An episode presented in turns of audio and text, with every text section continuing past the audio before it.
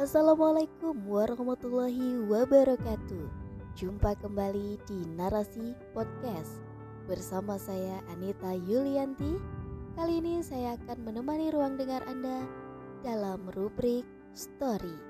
Ikuti terus di Narasi Podcast. Narasi Pos cerdas dalam literasi media, bijak menangkap peristiwa kunci.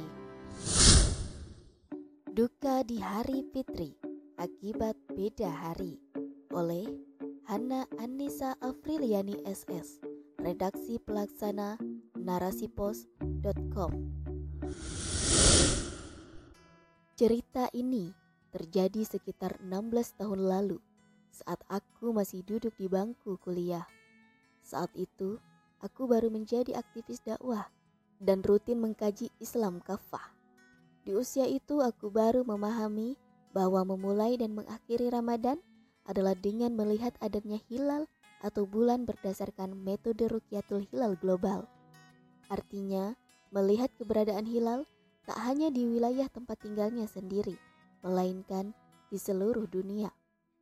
Namun faktanya, penggunaan metode tersebut sering kali menimbulkan perbedaan dengan ketetapan pemerintah di Indonesia yang notabene-nya menggunakan metode Rukyatul Hilal lokal. Saat itu, ternyata berdasarkan Rukyatul Hilal global, hilal Syawal telah terlihat.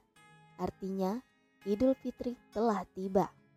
Namun, pemerintah negeri ini berdasarkan sidang isbat telah menetapkan bahwa Idul Fitri jatuh keesokan harinya. Kita ikut pemerintah saja, ujar bapak saat ku sampaikan bahwa hilal Syawal sudah tampak malam itu. Akhirnya, kujelaskan panjang lebar terkait Rukyatul Hilal Global sebagai metode syar'i penentuan awal dan akhir Ramadan. Tak lupa menyampaikan hadis yang berkaitan dengan itu. Namun, Bapak tetap bersikukuh pada pendiriannya. Taat pada ulil amri, katanya. Kalau salah, yang dosa kan pemerintah, kata ibuku. Tetap saja, Bu, kita wajib mencari tahu yang benar. Kalau sudah tahu yang benar, tapi tetap ikut yang salah, berarti dosanya ditanggung sendiri. Ucapku. Lagi pula, ulil amri yang layak kita kan mereka yang taat kepada Allah dan Rasulnya, Bu. Lah, kalau pemimpin sekarang, apa mereka taat? Syariat Islam saja nggak mau menerapkan kataku. Ibu dan bapak hampir tak bisa berargumen lagi, tetapi mereka tetap teguh pada pendirian awalnya. Akhirnya, terpaksa hari itu aku mencari tempat sholat id seorang diri.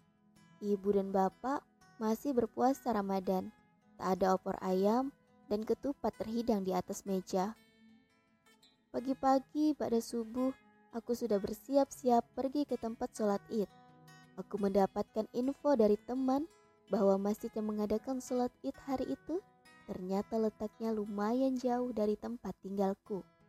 Maka aku berangkat dari rumah sejak pukul 05.30 waktu Indonesia Barat untuk menuju ke masjid tersebut. Aku harus menaiki angkot dua kali dan becak satu kali. Sepanjang jalan menuju masjid, hatiku gerimis mengapa harus ada perbedaan? Eh, andai Khalifah ada di tengah-tengah kita, mungkin perbedaan asasi seperti ini takkan pernah ada. Gimana tidak?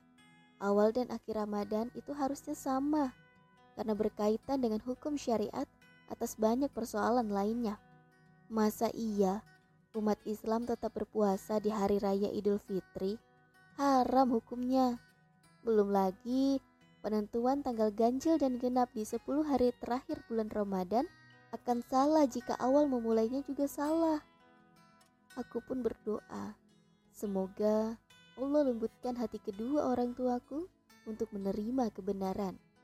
Dan semoga suatu saat nanti mereka akan berpaling dari penguasa yang sebetulnya sangat tak layak ditaati. Aku juga berdoa, semoga khilafah sebagai institusi penerap syariat Islam secara kafah dapat segera tegak di atas muka bumi ini. La haula wala quwata illa billah. Ternyata masjid yang dimaksud berada dalam lingkungan pabrik. Becak yang kutumpangi tidak boleh masuk ke dalam. Padahal letak masjidnya ada di dalam. Letaknya masih sekitar satu kilometer lagi dari jalan utama. Akhirnya, aku menempuhnya dengan berjalan kaki. Aku menganggap bahwa itu bagian dari pengorbanan dalam keistiqamahan di jalan kebenaran. Semakin jauh aku melangkah, suara lantunan takbir sayup-sayup terdengar syahdu, merasuk ke relung kalbu, menghadirkan ketentraman jiwa. Mungkin beginilah yang disebut fitrah. Tatkala mendengar asmanya dilantunkan, manusia sejatinya merasa tenang. Masya Allah. Sampai di masjid, Ternyata sudah ada puluhan jamaah yang hadir. Suara takbir terdengar semakin jelas dan keras dari dalam masjid. Aku mengikuti liri lantunannya seraya menggelar sajadahku. Satu persatu jamaah berdatangan. Tak satu pun ku kenal. Namun, aku merasa bahagia karena ternyata banyak yang satu pemahaman denganku. Usai sholat id dan mendengarkan khutbahnya, Aku bersalaman dengan jamaah ahwat lainnya. Aku merasa begitu dekat dan akrab dengan mereka. Sebab mereka begitu ramah menyapaku dan menghujaniku dengan senyuman.